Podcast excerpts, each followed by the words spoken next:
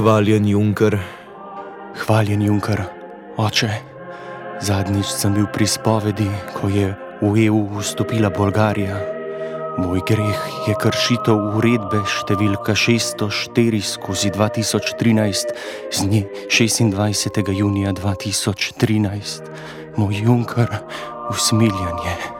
Jaz te odvežem tvojih grehov v imenu Evropskega parlamenta, Evropske komisije in sodišča EU.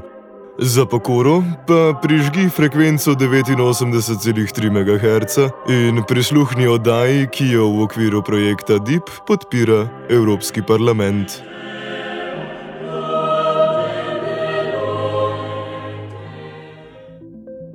O največjem med največjimi EU projekti. Pozdravljeni v zadnjem delu sklopa oddaj, ki smo jih na znanstveni redakciji pripravljali v okviru projekta DIP2, katerega namen je širjenje znanja o delovanju Evropskega parlamenta. Do sedaj smo v sklopu projekta spoznali splošno ureditev financiranja znanosti v Evropski uniji in si podrobneje ogledali Evropski naravovarstveni program LIFE. Če vas omenjene tematike zanimajo, vas uljudno vabimo, da jim prisluhnete na naši internetni strani. V današnji oddaji pa bomo podrobneje spoznali eno izmed najbolj prestižnih znanstvenih štipendij v Evropski uniji. Tako imenovane ERC štipendije podeljuje Evropski raziskovalni svet in so namenjene prebojnim, tveganim projektom. Do ERC štipendije so upravičeni projekti iz vseh naravoslovnih ved, ne glede na tematiko in vsebino. Pri izbiranju projektov je edini kriterij poleg prebojnosti nejasen koncept odličnosti. Kot primer RC projekta bomo podrobneje spoznali projekt Kabum, ki ga vodi profesor dr. Mateusz Dular, eden izmed le petih slovencev, ki mu je do sedaj uspelo dobiti to štipendijo. Dularjeva skupina se v sklopu projekta Kabum ukvarja s pojavom hidrodinamične kavitacije. Več o tem, kaj je kavitacija in kaj je ideja za omenjenim projektom, nam pove profesor Dular. Projekt Kabum je um, izviral v bistvu iz našega sodelovanja z industrijo, se pravi, gre za uporabo kavitacije. Zdaj, sama kavitacija je nek pojav, ki je zelo podoben vrenju, se pravi, pridemo do mehurčka na ta način, da znižamo tlak v kaplevini. Ne povečamo temperature, ampak znižamo tlak. In ko te mehurčki nazaj potem skondenzirajo, to naredijo zelo, zelo hitro in dobiš zelo agresivne razmere, zelo visoke temperature, zelo visoke tlake. In te tlake pa temperature lahko potem poškodujejo. Vem, na strojništvu se s tem ukvarjamo, ker nam poškodujejo lopace turbin, črpalk, ladijskih vijakov. Um, sam projekt Kabum se bo ukvarjal pa s tem, da bi lahko te tlake in temperature izkoriščali za to, da bi recimo uničili bakterije ali pa inaktivirali viruse.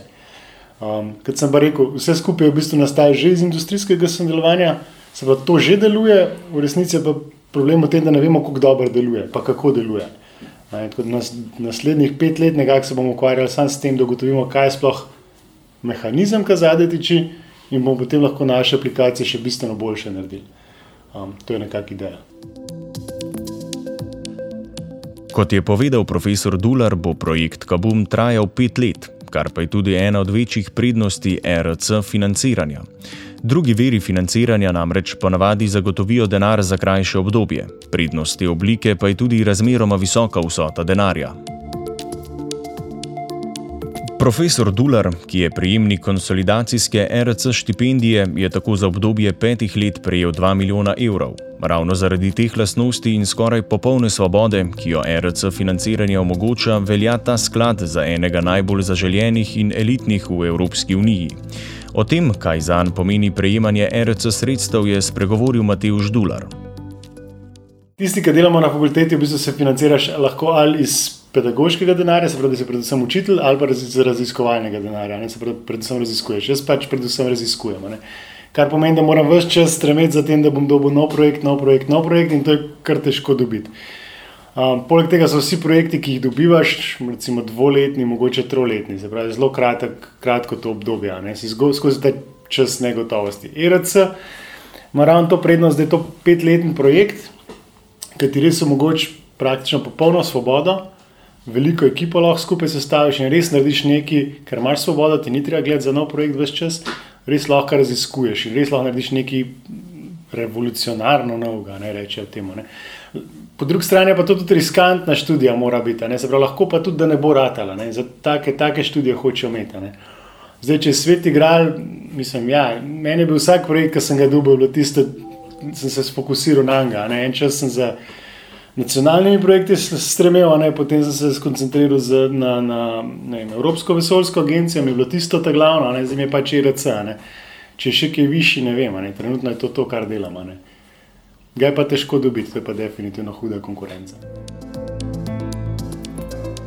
Kot je že omenil profesor Dular, ostaja pri prijavah za RC štipendije velika konkurenca, ki pa seveda izhaja iz stabilnosti, svobode in relativnega udobja, ki ga te štipendije omogočajo.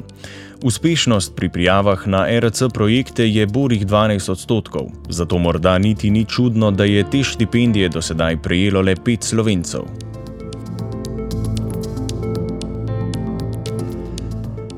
Evropski raziskovalni svet, katerega glavni namen je ravno izdajanje RC štipendij, je bil ustanovljen leta 2007. Glavni vir denarja za sklad predstavlja Evropska komisija, dodatna sredstva pa prispevajo tudi države članice. V prvih sedmih letih je bilo v RC fondu 7,5 milijard evrov, med letoma 2014 in 2020 pa se je vsota v sklopu programa Horizon 2020 povečala na kar 13,4 milijarde evrov. Temi sredstvi predvidevajo, da bodo štipendije podelili 7000 prosilcem, s tem pa zagotovili delovna mesta za kar 42 tisoč znanstvenikom. O tem, kaj RC štipendija pomeni v smislu zaposlovanja, nam je več povedal profesor Dular. Ja, sigurno je pozitiven učinek to, da imaš dovolj denarja, da zaposliš nove ljudi ali pa stare, ki jih prej nisi mogel. Recimo, jaz sem imel problem. En čas nazaj sem recimo tri super doktorske študente, za njih nisem, ja, do diplomske študente, ki za njih nisem imel denarja, da bi jih lahko obdržal. Ne? In sem jih pač vse tri poslal v Francijo, um, da so tam naredili doktorat, dva sta ga naredila, en končuje. Um, in pa te ljudi težko nazaj spraviti. Ne? In to je recimo en izmed primerov, saj upam, da bo ratelj, no, da jih vsaj dva sta prišla že nazaj, no en, enega še upamo, da dobimo ta tretjega tudi ne? na, na, na to. Ne? Da pripelješ res dobre ljudi nazaj v Slovenijo, da so, tam so se veliko naučili, ne? več mogoče, kar bi se lahko tukaj, ne? da bo zdaj prišli sem, pa nas, nas kaj več naučili. Ne? S tem bomo tudi Slovenija zrasla na ta način. Kot smo že povedali, je profesor Dular prejemnik konsolidacijske RC štipendije, ki pa ni edina. RC namreč ponuja tri različne štipendije in vsaka od njih služi svojemu specifičnemu namenu. O tem, kakšne so razlike med RC štipendijami, razlaga Mateusz Dular. Ja, zdaj RC ima tri take scheme. Ne? Ena je ta starting grant, ki ga dobiš, mislim, da dve leti, po, dve do sedem let po doktoratu, ta konsolidator je od sedem do dvanajst let, pa če si pa starejši, več kot dvanajst let po doktoratu, je pa advanced grant. Ne?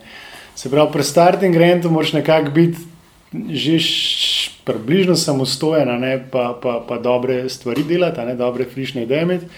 Uh, pri konsolidatorju je pa pač tako, da moraš imeti pa že svojo ekipo sestavljeno, jo že moraš imeti in moraš že nekaj let, recimo, neko svojo idejo voditi, pa, pa pokazati, da znaš projekte pripeljati. Pa, pa da, bistveno na višjem, mislim, je na višjem nivoju, kot je starting grant.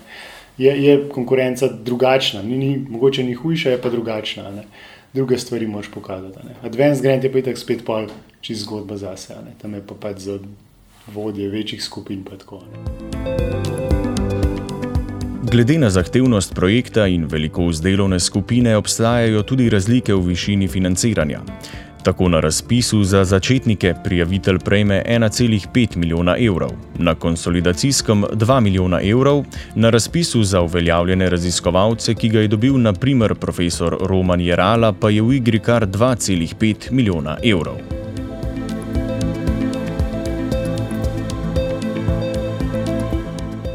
Z ustanovitvijo Evropskega raziskovalnega sveta v letu 2007 je Evropska unija do neke mere uslišala dolgoletne pozive k večji podpori bazičnih raziskav.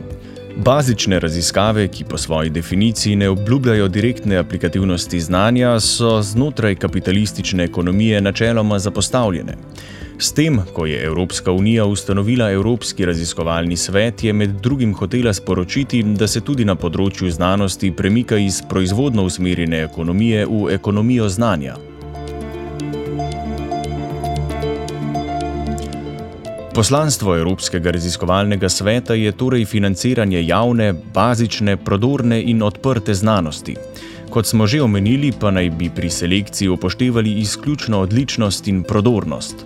V nadaljevanju oddaje bomo podrobneje spoznali primer takšnega projekta, projekt Kabum profesorja Dularja z Fakultete za strojništvo. Kot smo že omenili, se projekt Kabum ukvarja s hidrodinamično kavitacijo, fizikalnim pojavom, ki se zgodi v tekočinah ob nenadnih spremembah tlaka. Za osvežitev spomina nam je profesor Dular ponovno razložil, kaj je kavitacija in kako si jo lahko predstavljamo. Kavitacija, če so osnovi, se neko zgleda tako približno kot vrenje. Če bi, če bi vzel kozarc uh, vode, pa ga dal na zelo nizek tlak, bi se isto pojavili mehurčki in isto bi začela voda brbotati. To bi bila kavitacija. Uh, hidrodinamska kavitacija, ali pa ta, s katero se mi ukvarjamo, um, se recimo zgodi v črpalkah ali pa na ladijskih vijakih. Recimo, če, mogoče kdo ve, če ste na morju, pa motor date do konca gas, pa na, na mesto, ne se bo zadnji pojavili mehurčki. To so v resnici kavitacijski mehurčki, ker takrat v bistvu vladijski vijak nekako v, v, v prazno za laufa, bi temu nekako rekli. Takrat tok tlak lokalno pade, se upari. In zdaj to je približno ista stvar, lahko narediš ti recimo v, v bazenski vodi. Narediš tako obliko črpalke, ne, kjer se bo te mehurčki gor pojavljala. Um, tako nekako to zgleda. No. Najlažje pa to sigurno tako pogledati, da, da na morju date propeler do konca gas na mestu. Na pomol se prevežete, pa je to to. Hidrodinamična kavitacija je sicer že dolgo poznan pojav. Zanimivo je morda tudi to, da jo večina od nas sliši skoraj vsak dan. Hidrodinamična kavitacija namreč stoji za zvoki, ki jih zaslišimo ob pokanju členkov na prstih. Zvok, ki ga slišimo, je namreč direktna posledica pokanja hidrodinamičnih mehurčkov, ki v sklepni tekočini nastanejo zaradi nenadne spremembe tlaka ob raztezanju sklepa.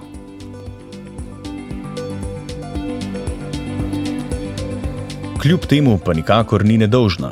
Do nedavnega se jo je raziskovalo namreč predvsem zaradi velikih gospodarskih škod, ki jo povzroča v nekaterih sektorjih, Šele v zadnjem času pa se raziskovalci in raziskovalke začenjajo ukvarjati z njenimi pozitivnimi učinki in aplikacijami. Več o tem, kje vse najdemo kavitacijo, dodaja profesor Dular. Kot sem rekel, kavitacija je pa posota, ne? tudi v kozmetiki jo zdaj hočejo uporabljati, da bi maščobne celice uničevali. Spet je to v kozmetiki, pa ne v medicini, ker v medicini tega ne dovolijo, zaradi tega, ker ne vejo, kako deluje. Ne? Zato je ta problem. Ne? V kozmetiki je pa več stvari dovoljenih, ne samo da rečeš, da dela pa je. Um, Drugače pa je, mislim, kar smo mi delali s kavitacijo, zelo velik je ravno ta erozija, ne, te poškodbe, ki nastanejo ob kolapsih samih mehurčkov. Um, to je kar komplicirana zadeva, pa zelo pereča. Ne, imaš recimo tudi v Sloveniji so, ne vem, ene turbine vodne, ki recimo na leto imajo enih 100 tisoč evrov stroškov, samo s tem, da to popravijo. Um, pa še zmeraj spet ne razumemo čisto dobro, mislim, bistveno bolj jasno je, kot pri tem, kaj bomo. Um, ampak še zmeraj ne razumemo prav dobro, kaj je tisti ta zadnji mehanizem, ki naredi tisto lukenco. So pa lahko gromozanske poškodbe, to ne? so bili primeri, vem, ko so ladje, je propeler je kavitiral in potem je hurčki so potovali do, do krmila in je na krmilu so skondenzirali in je ga erodirali in je krmilo dol padlo v enem dnevu. Ne. To so tako res, res hude poškodbe lahko iz tega pridejo. Tako da členkov pokad ni v redu. Kot je povedal profesor Dular, slabo poznavanje načina delovanja kavitacije omejuje njeno širšo aplikacijo. Ravno v bazičnem pristopu k razumevanju kavitacije pa se skriva ta prebojnost projekta Kabum, ki je pogoj za RC projekte. Ja, zdaj, prebo, prebojna ideja je taka, ne se pravi. Uh, kavitacijo že uporabljajo, članke je ogromno, ne, ne, približno tisoč člankov na to temo se na leto napiše. Um, noben se pa ne ukvarja s tem, kaj za res tiči zadaj. Se pravi, vsi vemo, da zadeva deluje. Um, tudi je bolj ekološko spremljiva, energetsko učinkovita, zgleda, da je bolj. Ampak ker ne vemo, kako deluje, ne vemo resnico, kako dobro deluje. Kar pomeni, da ne vemo, ali smo že dosegli tisti nivo maksimalne učinkovitosti. Um, to je en problem. Drugi problem je, da ne vemo, um, nismo čist prepričani, da zadeva bo skozi dobro delovala. Se pravi, lahko da ima včasih neha delovati, včasih ne dobro dela. To je pa problem, če hočeš ti recimo ohraniti neko čisto nivo, nivo kontaminacije v neki vodi. Ne. Mora biti to res varna zadeva, da lahko to v aplikacijo spraviš. Ne. In to v bistvu tudi zavira nadaljni razvoj tehnologije. In prebojna ideja je pač ta, da bomo rešili na, na bazičen nivo, da bomo gledali recimo posamezen mehurček, posamezno bakterijo in gledali, kako, kaj, kaj se zdaj med njima dogaja, kaj je tisto, kar, kar je res mehanizem zadaj in potem bomo tega potencirali naprej, da bomo lahko to v aplikacijo spravili, zelo učinkovito aplikacijo. Glavni cilj projekta Kabum je torej čim bolj popolno razumevanje procesov, ki se dogajajo v hidrodinamičnih mehurčkih ter ob stikih mehurčkov z različnimi površinami, bakterijami, virusi in snovmi. Razlag za učinke, ki jih imajo mehurčki, pa je veliko. Kaj bi lahko bil tisti manjkajoči člen v razumevanju hidrodinamične kavitacije, nam je povedal Matej Ždular. Uh, mislim, kaj nam manjka. Idej, kaj bi lahko bilo, je velika. Sem rekel, visoke temperature se lahko pojavijo. Visoke temperature so vem, 10.000 stopinj Celzija. Recimo, Visoki tlaki so gigapascal, ne? to je gromozanski tlak, to je desetkrat, desetkrat več kot najgloblje, kar lahko greš na morju. Um, um, Ampak ne veš, bakterija je tisti, ki je zares kriv za, za to, da bakterijo recimo uničiš. Um, lahko je en, lahko je drug, lahko je čist nekaj tretjega, lahko je nekaj kemičnega. Ker če imaš visoke tlake, pa temperature, boš tudi tvoril, ne vem, proste radikale, pa je lahko čist samo oksidacija. Um, sam problem je, da članki se velikokrat sam rečejo, da ja, ta je to zmeru, te visoke tlake, temperature. Noben pa se ne sprašuje, da je to pa res nekih takih zelo sterilnih pogojih bilo narejeno da to dosežeš. V večini primerov pa ni tako.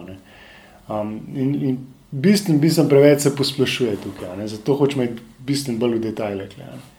Podobno, recimo, zdaj, ko sem rekel, na eroziji delamo. Na erozijo se tudi da gledati. Vem, ko sem delal doktorat, ne, deset let nazaj, smo recimo gledali erozijo po nekaj urah, kakšna je.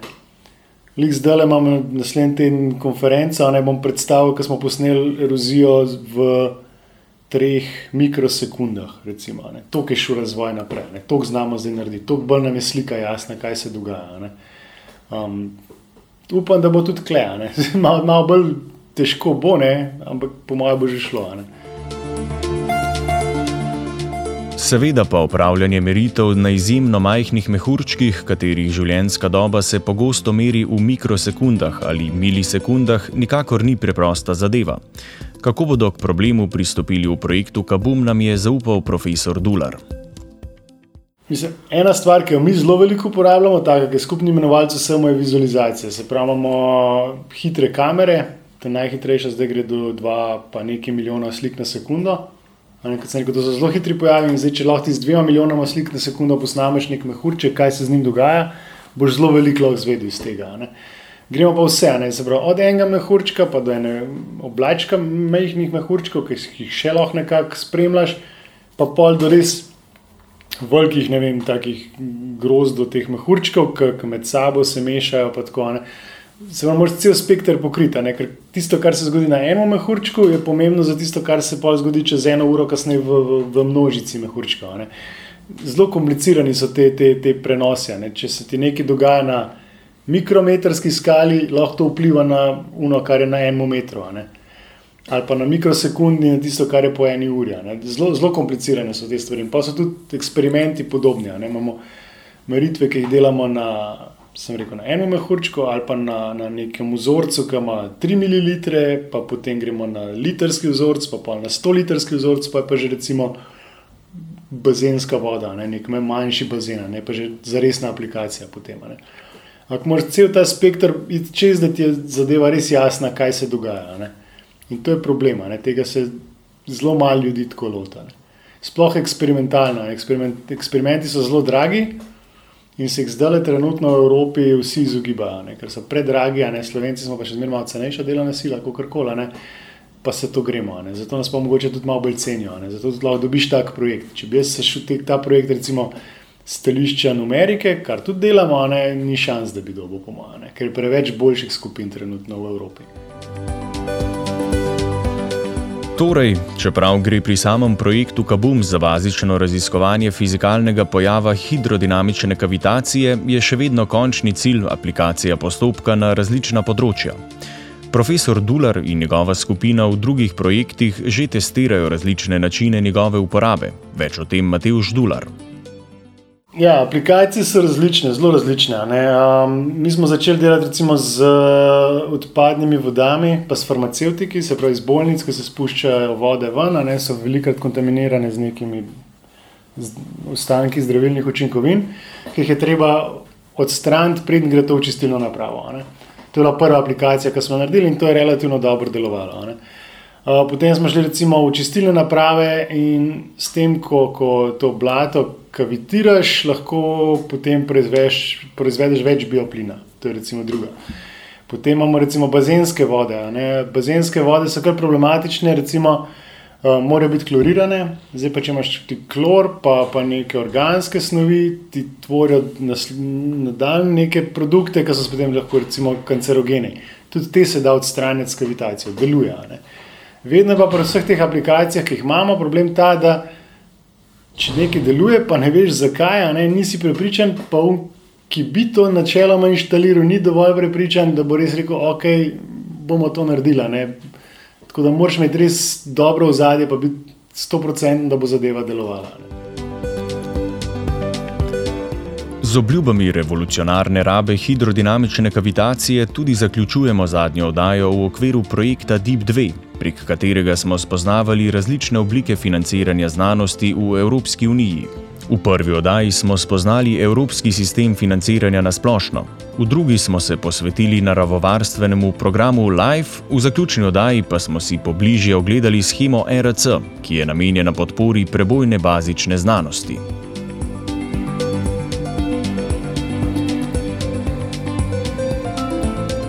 Da bi slovenski znanstveniki čim bolj temeljito pomozli EU sklade, si želi Atila.